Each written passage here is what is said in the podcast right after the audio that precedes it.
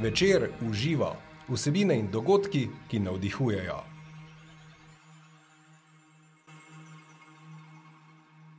Dobrodošli in dobrodošli v novi epizodi podcasta Večer uživa. Verjetno ste se že vprašali, kako dobro vzgajati.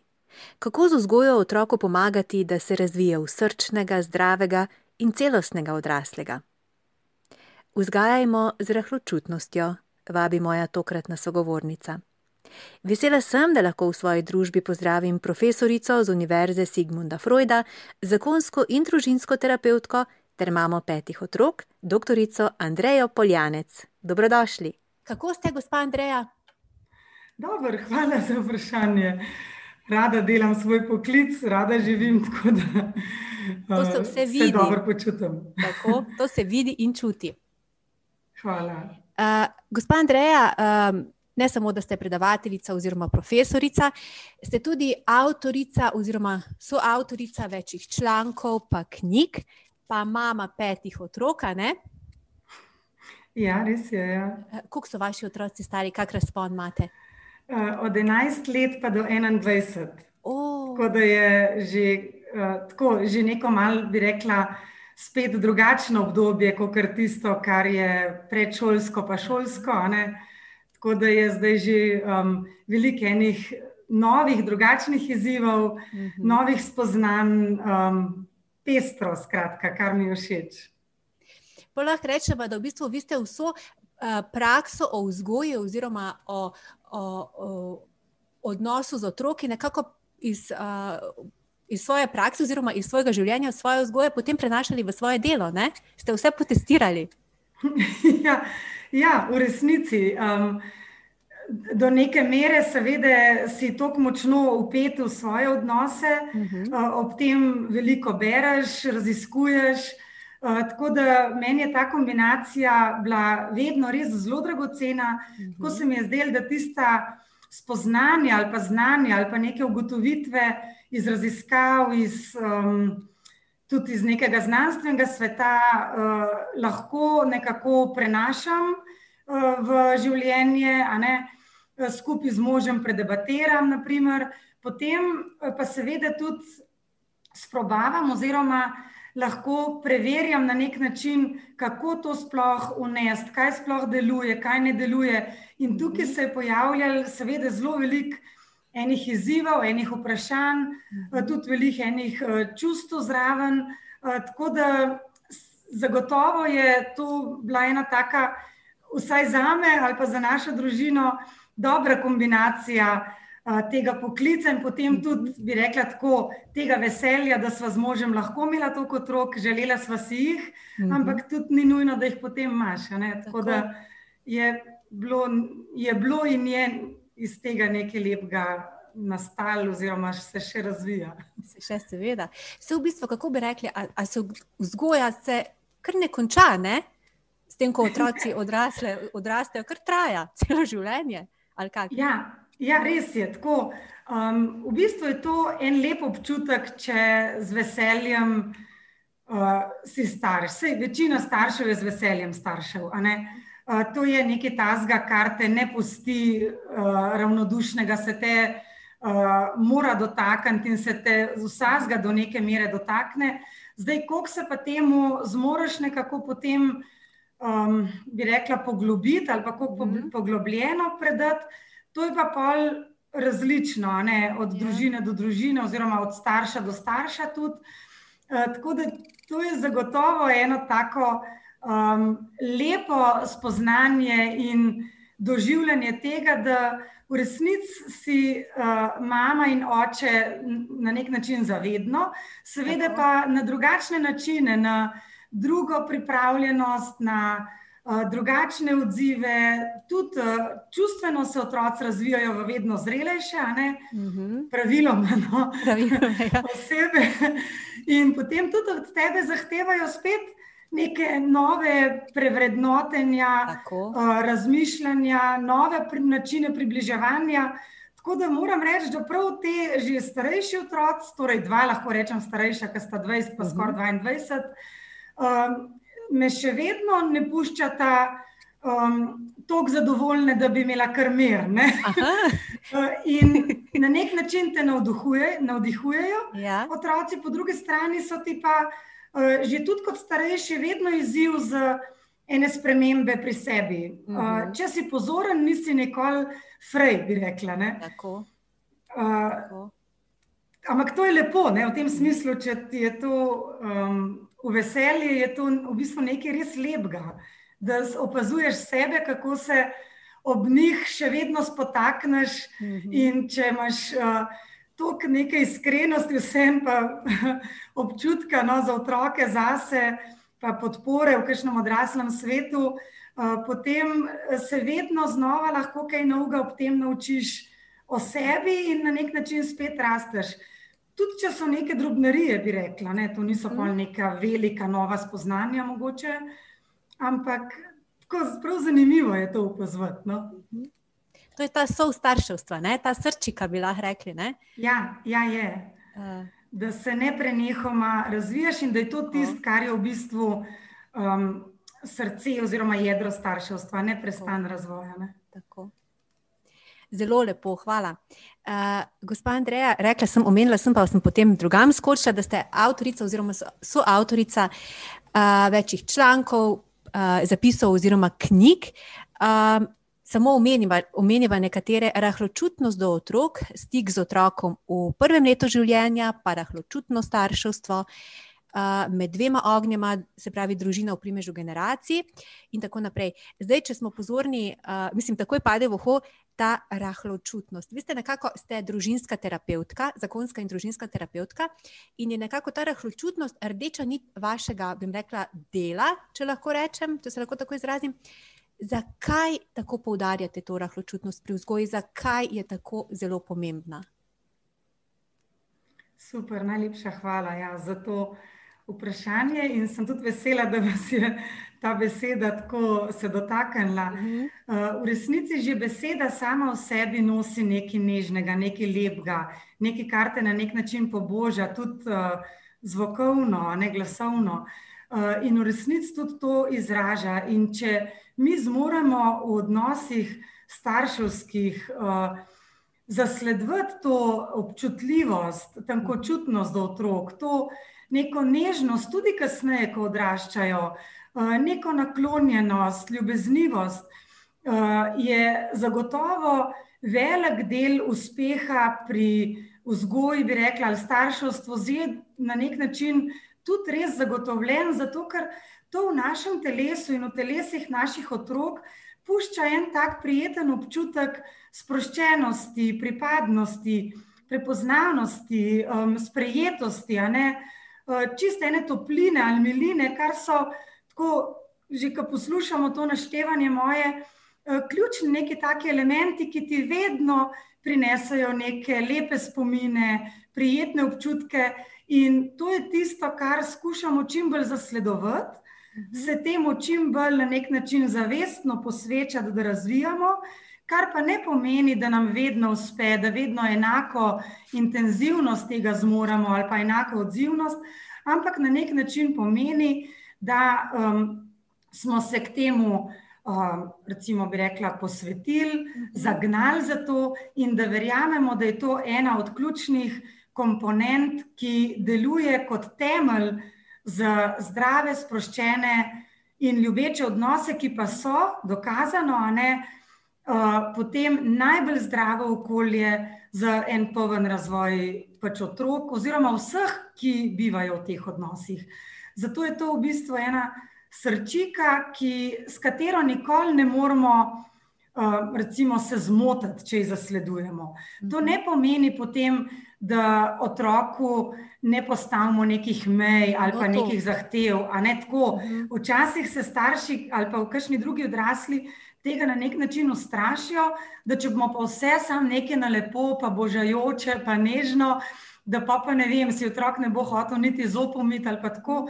Ampak to tukaj uh, govori bolj o bistvu naših odnosov. Uh, da tudi, če se nečesa lotimo razlagati, moramo na nek način to ukomponirati v argumente naše, v tudi neke, bi rekla, zahteve, pravila, da se vedno znova k temu vračamo, da smo vedno mi odrasli tisti, ki se zavedamo, da nazaj poiščemo en čustven stik in pomirimo te odnose, tudi v primerih, ko so vznemirjeni, ko je jeza, ko je nestrinjanje, ko je jezikanje strani otrok, da smo mi tisti, ki smo odgovorni, da se vračamo v resnici k tej rahločutnosti, tudi k odpoščanju. Naprimer. Tako. Se v bistvu vse uh, rahločutno lahko, se ste lepo rekli, postavljamo tudi meje, ki, ki jih je pa ja. nujno potrebno postavljati. Ne? Ja, seveda.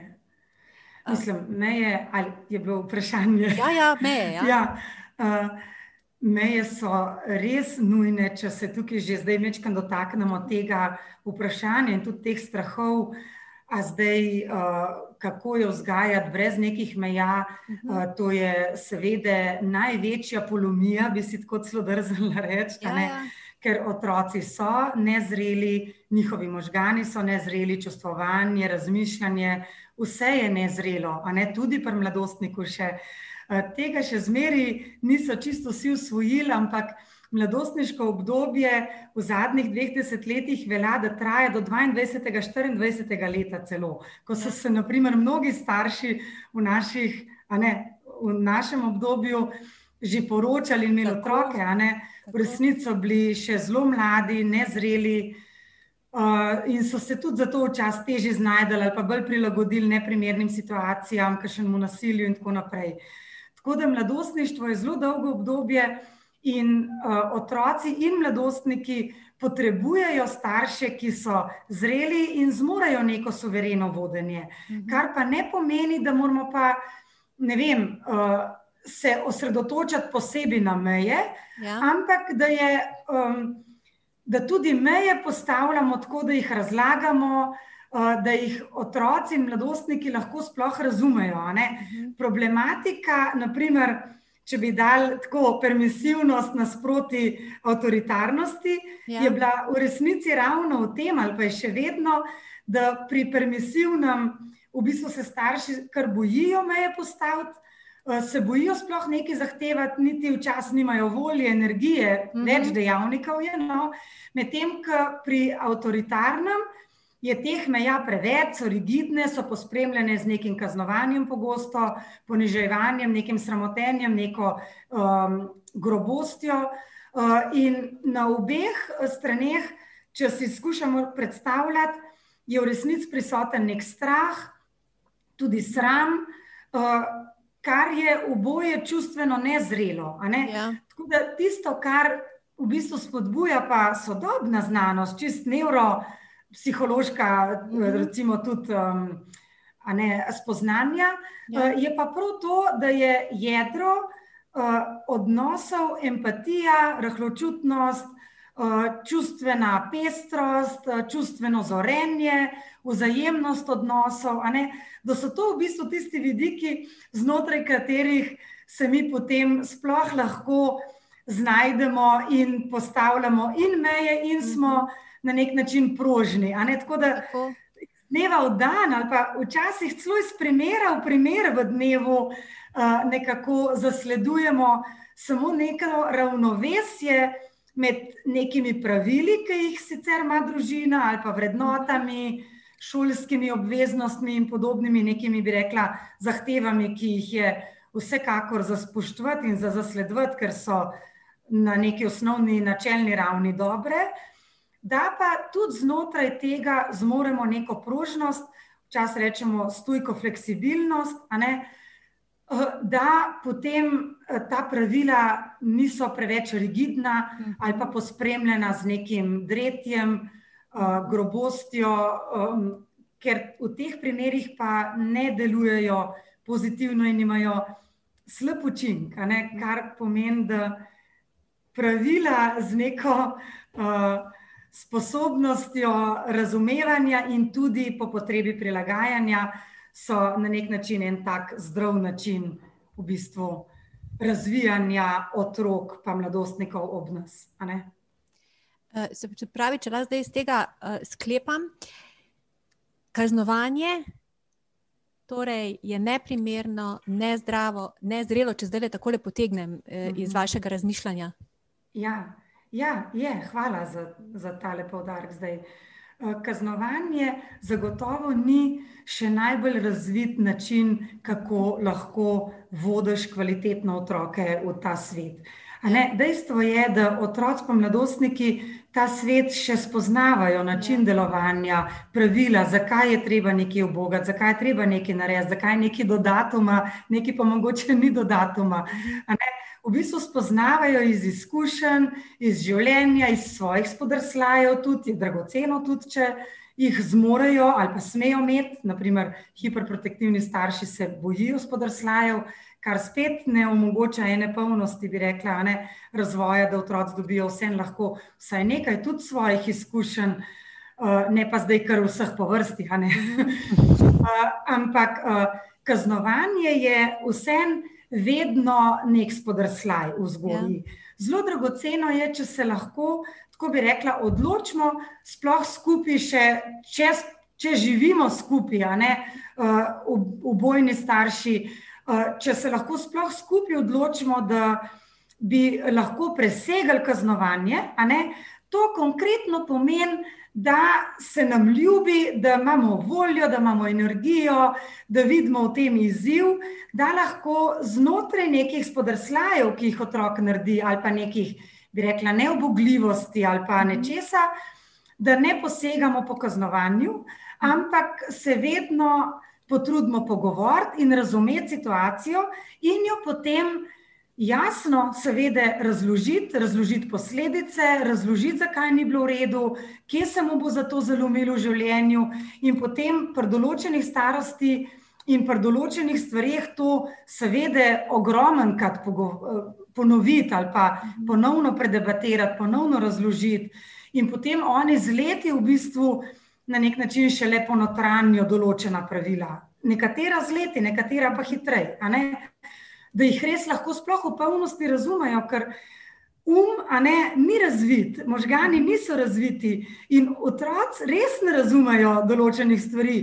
Mi jih za silo razumemo. Tako da, recimo, če se še na to navežem, uh, je tudi, ko postavljamo pravila, pa nas potem uh, prsti srbijo, da bi kaj kaznovala, ne, ali pa Eh, razmišljamo o tem, je recimo nujno najprej, da sploh mi tudi pravila res, tako bi rekla, v nekem bistvu, v srčiki, v jedru razumemo. Drugače je uh, čist ne um, funkcionalno. Torej, Nefunkcionalno, uh, neučinkovito, no? jih je drugače sploh zahtevati, ker ne bomo mogli uh, tok zargumentirati, kot bo otrok želel, preden bo to pravilo usvojil. En tak mal anekdotičen primer se mi zdi, da je v Sloveniji po družinah, a se nos copate ali ne. ne Aha, ja. ja, ja. Ne vem, ne. Meni se zdi, da ta je tak zelo medgeneracijski. Ja. Naprimer, meni se zdi logičen, da je bilo treba včasih copate nositi, če bi zdaj razmišljala za nazaj. Ne?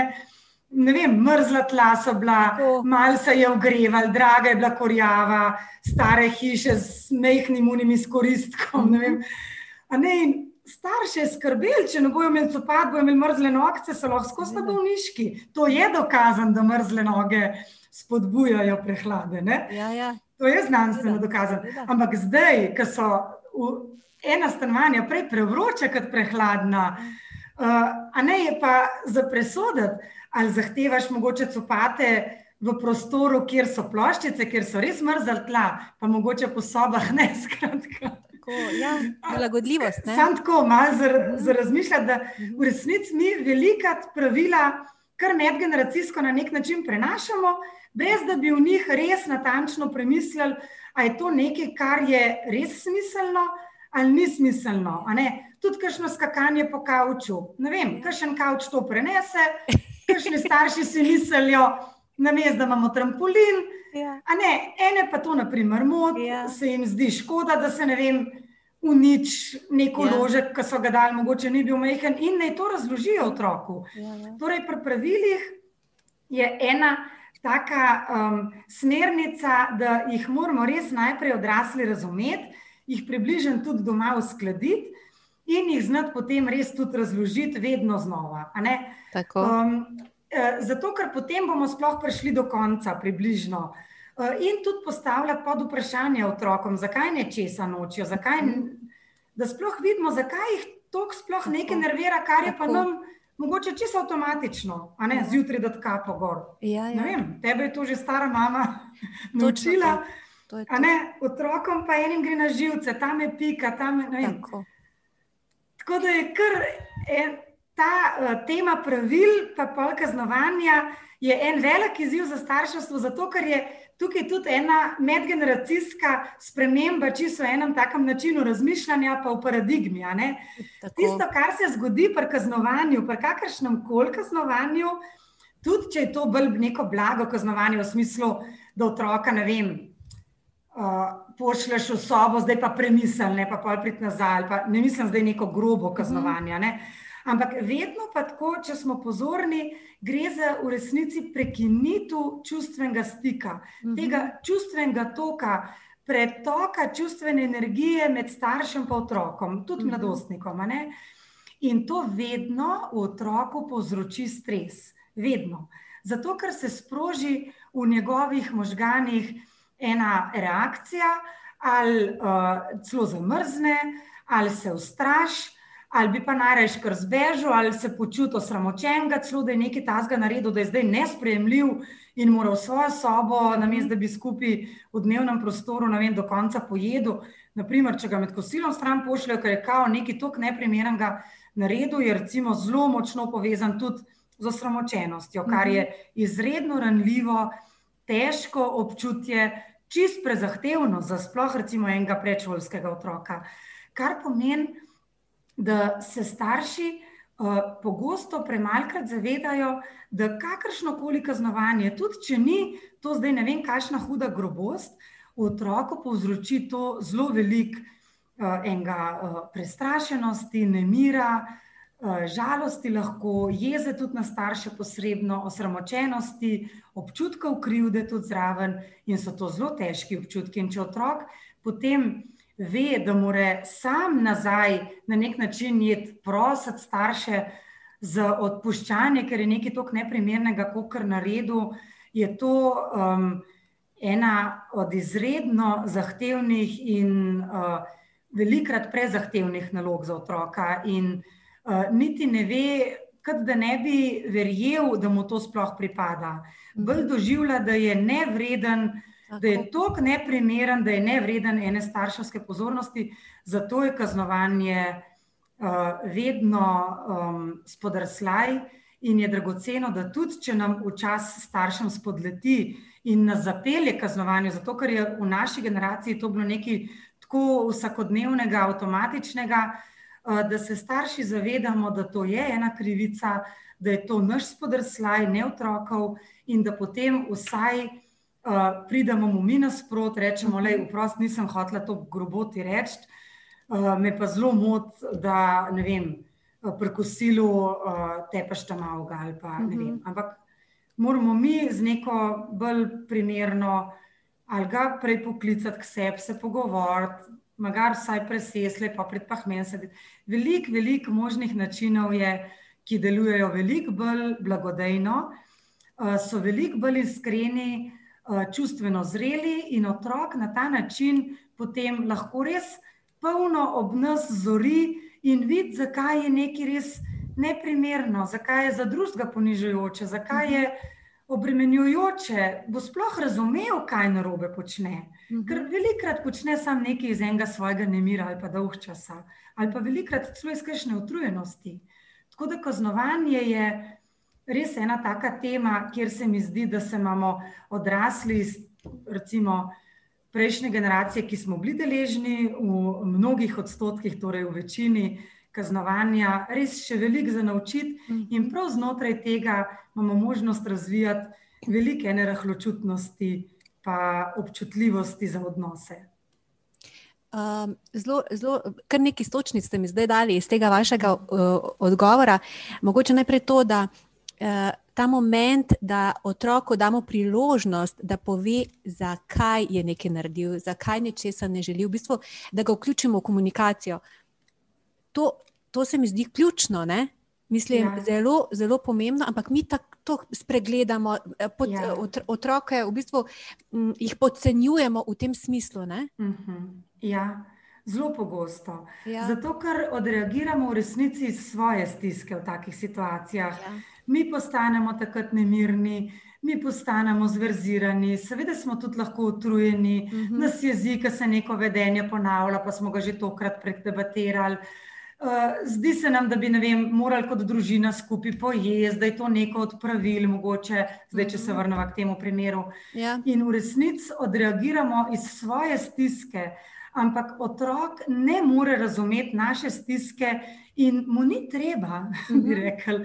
Ja, ja. Mi smo tisti, ki smo odgovorni da svojo stisko prepoznamo in jo zmogemo tudi se naučiti ubesediti, izgovoriti, razložiti. Mi lahko tudi, če si iskreno otroku rečemo, lej, kaj je ljuba duša, zakaj zdaj si tako nemirna, prideš zdaj le meni raj sedeti, ali grem jaz k tebi sedeti, da lahko vsaj v miru pojemo, lej, jaz sem zdaj le tudi lačna, bi z veseljem pojedla, kaj, kaj je, da zdaj le to klefrliš v kol, ali se greš rajši grad vse ti ni treba sedeti tukaj, če mhm. si tako težko primer.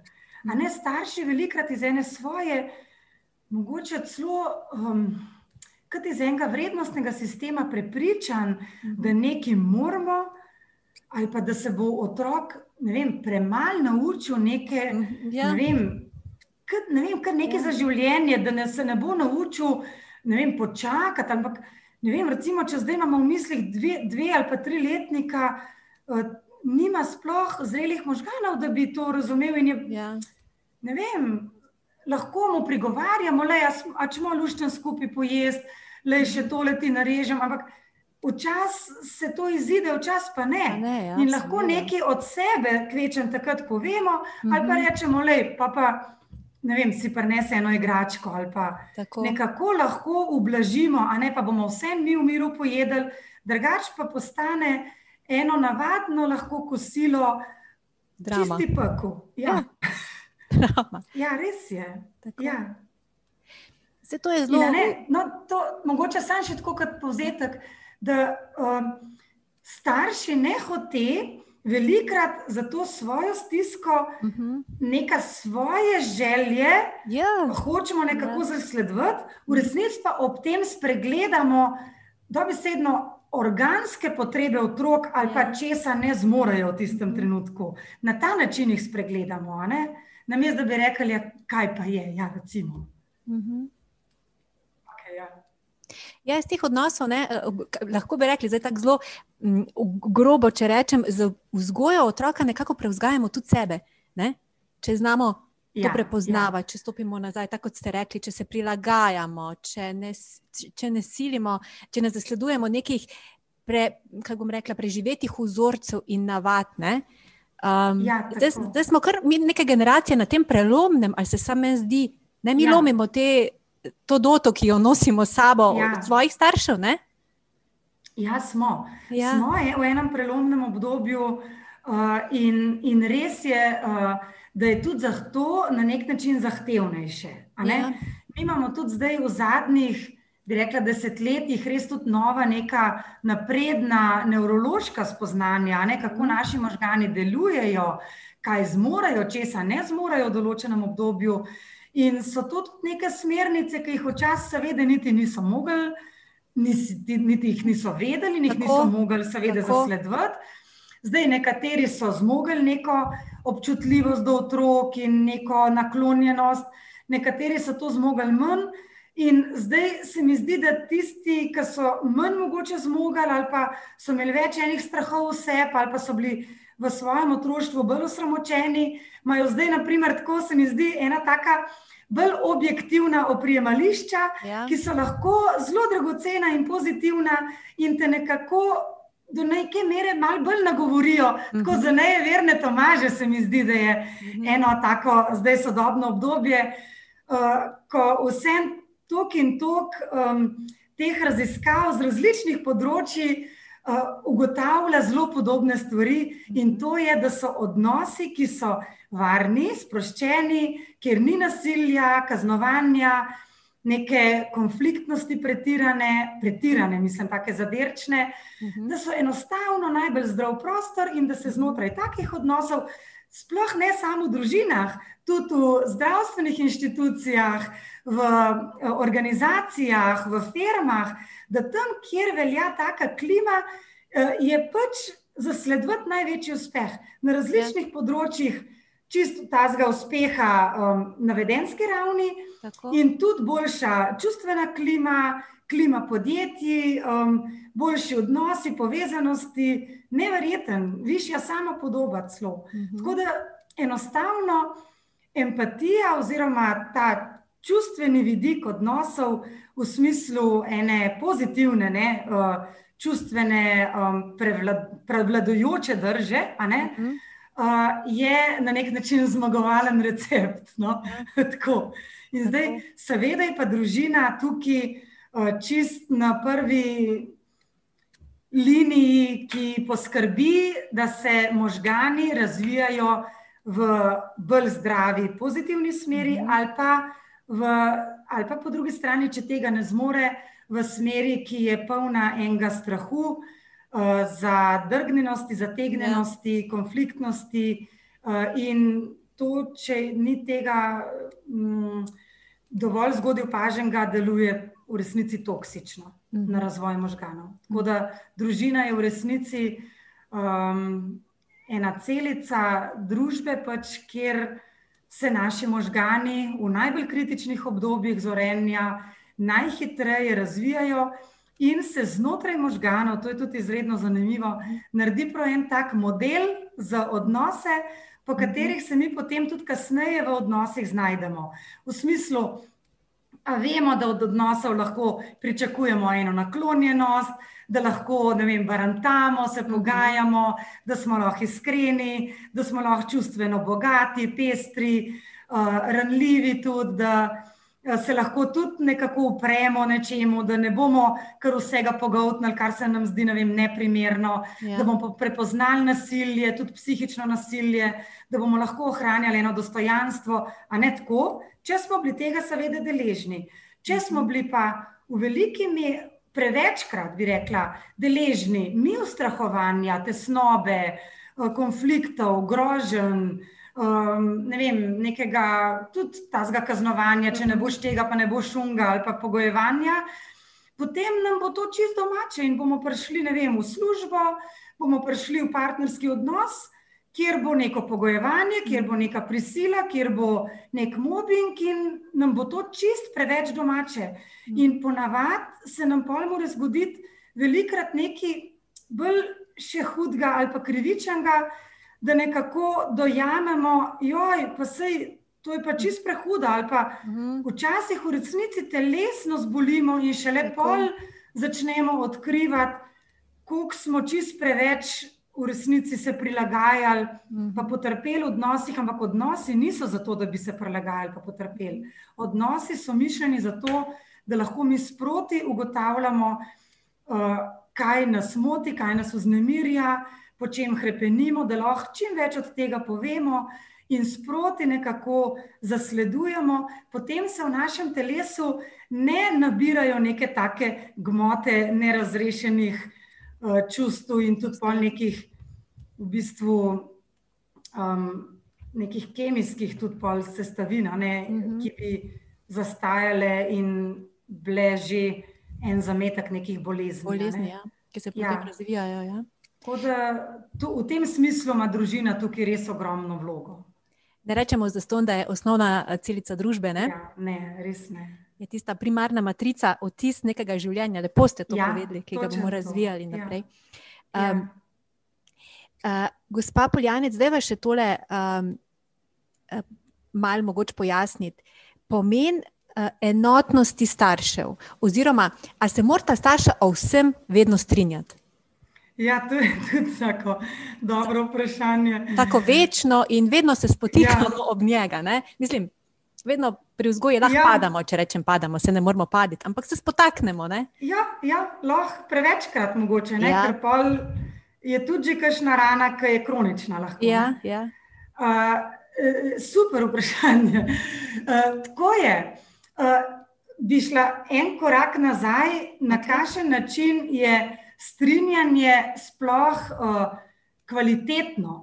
Ker, uh, zdaj, kvalitetno strinjanje je dragoceno in po njem na nek način bi rekla, celo hrpenimo ali pa ga zasledujemo. Ja. Um, seveda, ne zdaj čist pri vsaki stvari.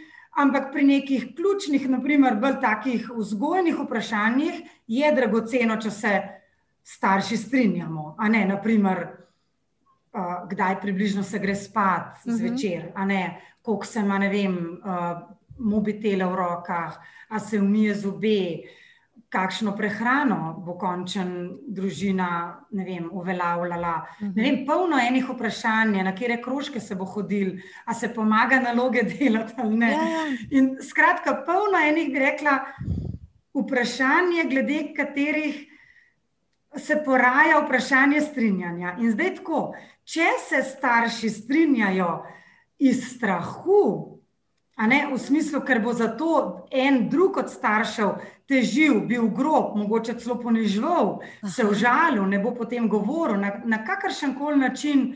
Na nek način čustveno nezrelo, nekako ali divje, ali neprimerno odreagiral, potem je veliko možnosti, da se bo drugi strinjal, zato ker se bo bal, tega odziva od drugega starša. Ja. Ne pa zato, ker bi sam verjel uh, v to pravilo, ki ga je un starš si zamislil.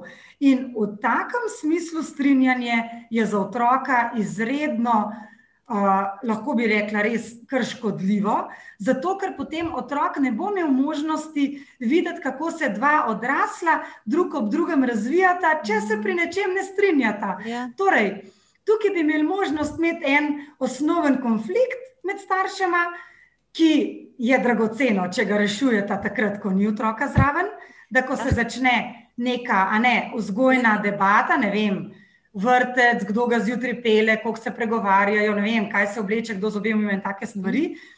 Uh, ne, je nujno v teh obdobjih. Uh, Ogromen enega časa posvetiti skupnemu pogovarjanju, kjer starša trenirata čustveno iskrenost, torej neko čustveno pestrost, bi rekla, in iskrenost v Mhm. odnosu, da one dva najprej predebatirata, zakaj je to tebi tako važno, meni se zdi pa pretiran, če to teži ali pa tako, da se res na nek način brusta drug ob drugem in šele potem mi lahko rečemo, da je strinjanje dragoceno. Mm. Ampak zato, ker one dva sprot naredita en čudovit, pregaran, čustven proces v smeri zorenja in celo v smeri ene, bi rekla, starševske intimnosti, ker Ja, starši ne znajo biti iskreni drug z drugim. to.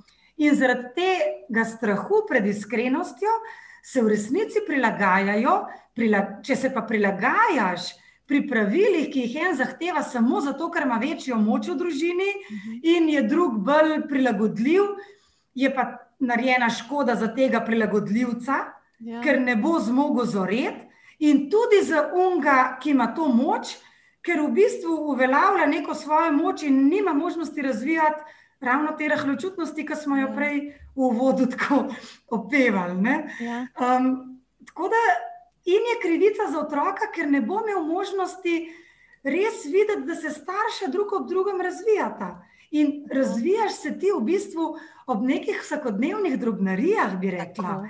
Ti se ne razvijaš ob nekih, ne vem, blaznih filozofskih vrednostnih vprašanjih. Tako. Tudi za kakšno stvar, ampak te niso večinske, ne? Tako. v smislu, a se bo šlo hmaš ali ne, kere vere. To Mhm. je temeljno vprašanje, ki ga boš pre, enkrat moral, seveda, predebatirati, če boš Ja. hotel pač nekako v redu skupaj um, živeti. Ja. Ampak druge stvari so pa take, bi rekla, vsakodnevne, čist razvojne, ki jih že razvoj sam po sebi prinaša in jih ni nikoli konc. Tako. Ravno Tako. teh ni konca. Ne? Ja. Ti, že, ti jih že do petega, šestega razreda, zdaj bom tako malo uhecal, navadiš, da se v šolo hod. Ja. In, se, in se že vsi otroci strinjajo, da se hod. Pa najprej jim je težko, jih kdaj zjutraj trebušček boli, pa ne bi šli, pa ne bi vstali. Pa jih nekako spravimo do tistega razreda. No, na kar jim pride ideja v osmem, devetem razredu, v srednji šoli, da zakaj bi v resnici hodili v šolo, če je butaš, če je izguba časa. Če, ne, hočem reči. Že neko pravilo, ki si ti imel strinjanje, celo že strinjanje strani otrok, ni nujno, da bo zdržalo do konca tega. Skratka, eh, tukaj ne zmanjka enih izzivov, in če, če jih res na nek način uh, sprejemaš kot izziv, to ne pomeni, da ti ne povzročajo stresa v mhm. tebi, ker te skoraj kap zadene, ker ne vem, se kaj ta, mislim. Ja, ja, prestraš, kaj smo zdaj ja. šok. No, ja. Ampak v resnici, če se pa ne ustrašiš štok, da bi rigidno ali pa grobo odreagiral, kaj tega pa nam debatirali, ali pa da se mi nalimaš v šoli, ali pa ne vem kaj. Ne? Uh -huh. uh, potem imamo res možnost na novo ovrednotiti in prepoznati v tem, ne vem, nekem najstniku ali pa mladostniku, zakaj se mu zdaj kar naenkrat to kopira zjutraj v šolo. Uh mhm. -huh. In lahko si štejemo ukrasen kompliment, da je to na glas začel jamrati, se pritožvati, debatirati. To že govori o nekem, bi rekla, pozitivnem odnosu, da je to sploh prenesel, tako bi rekla, na pladen uh mhm. -huh. in pričakoval, da bo z nami to lahko na nek način, mogoče vsaj do neke mere razrešil yeah. Ja. ali pa pomagal ta svoj stres, ta nemir, kako mu gre na živce, je to šolo, koliko časa zgubi s tem, da se bo na nek način vsaj pomiril za nekaj časa ali pa dobil neko, ne vem. Neko razsežnost, razumevanje, kako mi odrasli gledamo na to. Dobil bo skratka nekaj nove istočnice, če ga bomo pri tem resno vzeli. Če ga bomo pa sam opozorili, da je to njegova dožnost, se pa ob takem zapletu ne bo nič novega naučil, kvečem naučil se nas bo dobro podpisati in manjko, brez da bi vedeli. Ja. Tako da ja. je, je izredno dragoceno, pa je tako, bi rekla, dost brezvezen primer, lahko zelo preprost pa bi rekli, ja, to pa res ni problem rešiti, ampak vedno je vprašanje tega, ali se želimo in se imamo v bistvu veselja ne, in interes mhm. nekaj novega o našem otroku naučiti, kaj ga ja. zanima, kako razmišlja, zakaj se mu to zdi trapast, mi smo šli pa brez problema v šolo. Naprimer, mhm. uh, to so res nova zanimanja za otroke, ki če se jih. Um, lotiš res z iskrenim zanimanjem, so fascinantna. Res vam povem, te ja. otroci so uh, čiste skrivnosti za nas, na kakšen način razmišljamo, koliko jim nekaj pomeni, koliko drugače razmišljajo o enih stvarih, koliko globoko včasih tudi. Uh, skratka, na en zelo svež način. In mladostniki vedno so za družbo svež veter. In so. če ga mi zmoremo kot tazga, res z eno iskrenostjo, z eno novihanostjo tudi imeti, potem bomo to svežino lahko tudi sploh vsaj približno razumeli in jo puščali, da se bo na nek način razraščala, da jo bomo lahko sploh zavohali, da jo bomo veseli. Sicer jih bomo že vkali, zatrli in oni jo bojo, mi je ne bomo vredni v resnici in jo bojo kvečem razlagali druge, ali pa se bojo na nek način počutili nevredne in jo bojo potlačili ali pa v dnevnik zapisali. In to je, to je škoda. Taki otroci potem v bistvu spregledani, zdaj tam močni se pa kje najdejo. Uh mhm. -huh. Taki, ki imajo pa malo manjšo dispozicijo, neke vodilnosti, neki, uh, uh, pa, pa bolj dobivajo občutek, da niso ta pravi za ta svet. In je zelo velik, nažalost, tega pri mladostnikih, čist preveč in se še razvija v smislu tesnobe, mm. nizke samopodobe, samoobtoževanja, samopoškodb. Tega je toliko preveč in skozi porastu, da je žalosten, in sem prepričana, da tukaj odrasli delamo spodrslaje, ki jaz verjamem, da se jih ne zavedamo, ampak uh, bi bilo pa pomembno, da bi se potrudili jih prej opaziti. Pa nikoli ni prepozno, ne? pa tudi priznati ko spregledamo, priznati in se da popravljati. Ne? Ja, ja, ni ni zamujeno, ali kako bi rekel, ne, ne, človek. Ne, res ni. Ne. Ta plastičnost možganov in torej posledično tudi ta prožnost v odnosih, prožnost v razvoju čustvovanja, čustvene zrelosti, mhm. samozavedanja, končen tudi samo podobe kot nekega ja. tazga konstrukta. Eh, to je vse, kar lahko vse življenje neprenehoma razvijamo. To je dokazan, to je tako fascinantno dokazan, mhm. da, da prav ne moreš verjeti vsakeč znova, ko prebereš kakšno raziskavo ali pa vidiš te uh, slike potem možganov, ne vem, deset let ja. naprej, kako.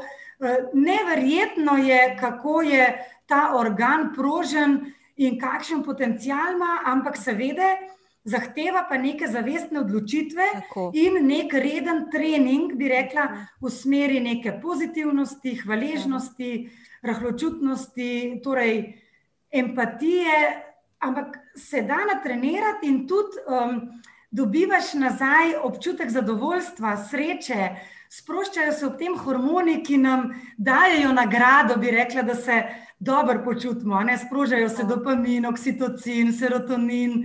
To so vse neki hormoni, ki tako rečemo, malo površno. Neurologi bi to bolj natančno razložili, ampak hormoni sreče, ki v resnici v našem telesu delujejo vsakeč znova, ko naredimo nekaj lepega, nekaj pozitivnega, se smejemo, se povežemo, eh, ne samo neki, ne vem, sosedi, pohecamo otroke, se v našem telesu pač sprožajo mhm. in nam delajo občutek, da je v družini lepo. Če pa na to nismo pozorni in, in tega produciramo manj, pa je pač tudi občutka tega čist hormonskega, seveda, manj, ali pa neurotransmiterskega. No. Tako. Uh, oboje, ne. Tako da je res en zanimiva, na nek način, zanka, na katero imamo pa zelo velik vpliv. Težko pa sledimo temu sami. To je mogoče še tako, tudi pomembno, a ne izpostaviti, da odrasli uh, težko sami potem to razvijamo. Tukaj vedno rabimo neko oporo, ker te treningi, pa te spremembe v življenju, pa v odnosih so vedno naporne. Ja, zahtevne. Uh, Ja, zato, ker moraš ti neko avtomatiko, ki si jo uh, vzpostavil že v otroštvu, mladosti ali pa še pa kasneje v odnosih, moraš ti v bistvu preusmeriti in izgrajevati neke nove poti, ne? nove načine vedenja, hecanja, razmišljanja. Uh, tako da um, vedno zahteva nek trening, neko odločitev, nek post, bi rekla. Ja ampak se pa vrača kot nekaj pozitivnega, za kar si pa lahko hvaležen. To pa je res. Tako, se splača vlagati v sebe, ja, oziroma tako, v svoje vzorce. Ja, malo preračunljiv. Ja, ja čisto zdravo in pravilno. v tem svetu, ko moraš biti malo pragmatičen, ja. tako, je dobro vedeti, da se ti nekje to obrestuje. No? Ampak ja. to je res, tisto prim, ja, primarno dobro za tebe. Ne? Ja, uh, s tem, ja. da noben drug tukaj ne nastrada, kako bi rekli zraven. Ja, no, tako je. Ja. Se ja. pridobi. Um, Sami in naši najbližji. Eh, za konec, če uh, gospod Andrej Poljanec, da je še malo vloga detko in babic. So tukaj, da nas razvajajo, oziroma da, uh, naše, da razvajajo svoje vnuke in vnukinje, ali da jih tudi kaj vzgajajo. Uh, hvala. Kaj bi rekli? Um, Tako, vloga starih staršev primarno ni v vzgoji. Uh -huh. uh, in je bolj dragoceno, torej njihovo poslanstvo je, uh, ker se računa, da so že v svojem življenju razvili in dosegli neko čustveno zrelost, neko modrost, neko plemenitost, neko milino in toplino, ki je mlajši odrasli, pogosto še ne zmoremo, zato ker smo zasičeni z mnogo drugimi odgovornostmi, hitenjem, vzgojo, nekim ostajanjem, službo in razpeti med velik več stvari, zmorajo detki in babice v resnici več ene te čist posebne miline in naklonjenosti in modrosti, kot jo zmorajo mlajše generacije. In če hočemo to izkoristiti, je najbolj dragoceno, da pripovedujejo zgodbe, da jih naučijo kakšne medgeneracijske sprednosti, pletenje, ne vem, vezenje, pišejo dnevnik, jih naučijo ljudske pesmi, da na nek način čustveno povežejo te generacije svojega življenja, jih predajo naprej mlajšim generacijam, so nežni do otrok. To potem tudi nakazuje to, da se in to otroci, vnuki, torej tudi čutijo, da kljub temu, če so ti isti stari starši bili v svojem starševstvu na nek način bolj grobi ali pa nepopustljivi ali pa včasih zadirčni ali pa rigidni, je zelo dragoceno, če lahko potem kot stari starši ob svojih vnukih zorijo in se na nek način pomirijo v teh zahtevah. Zato, eh, če se jim naloži pretirana vzgojna skrb, jih lahko um, na nek način zaviramo prav v te rasti tega njihovega poslanstva, neke predvsem topline in naklonjenosti do teh svojih vnukov.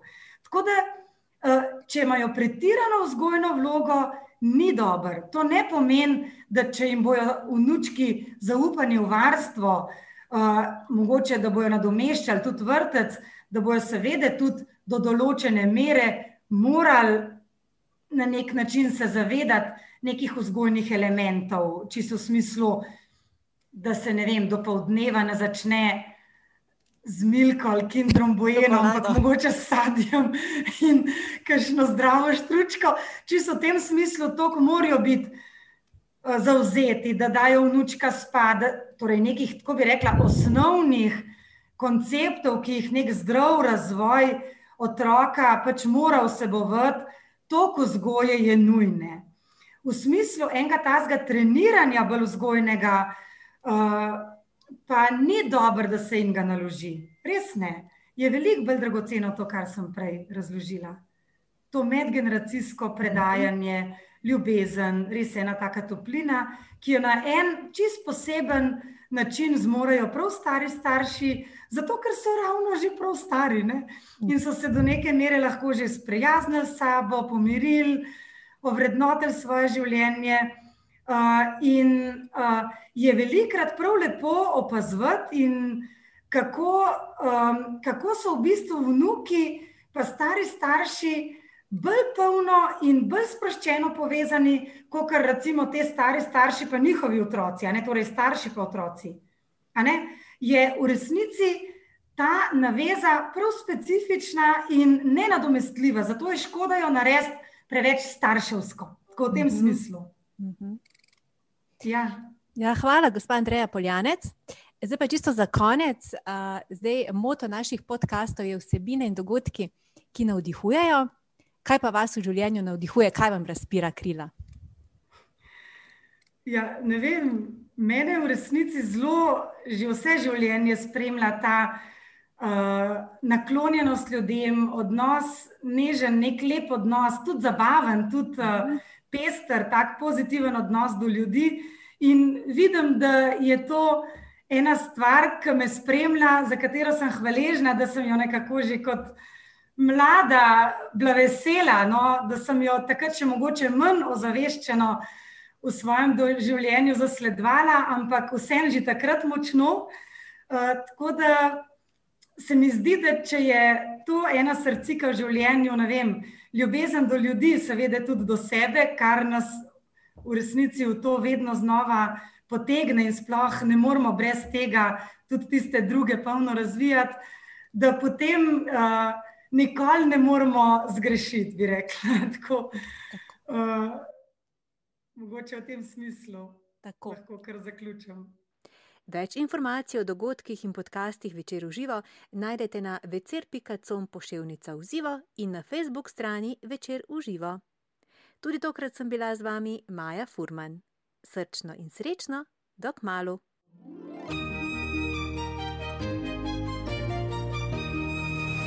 Večer uživa vsebine in dogodki, ki navdihujejo.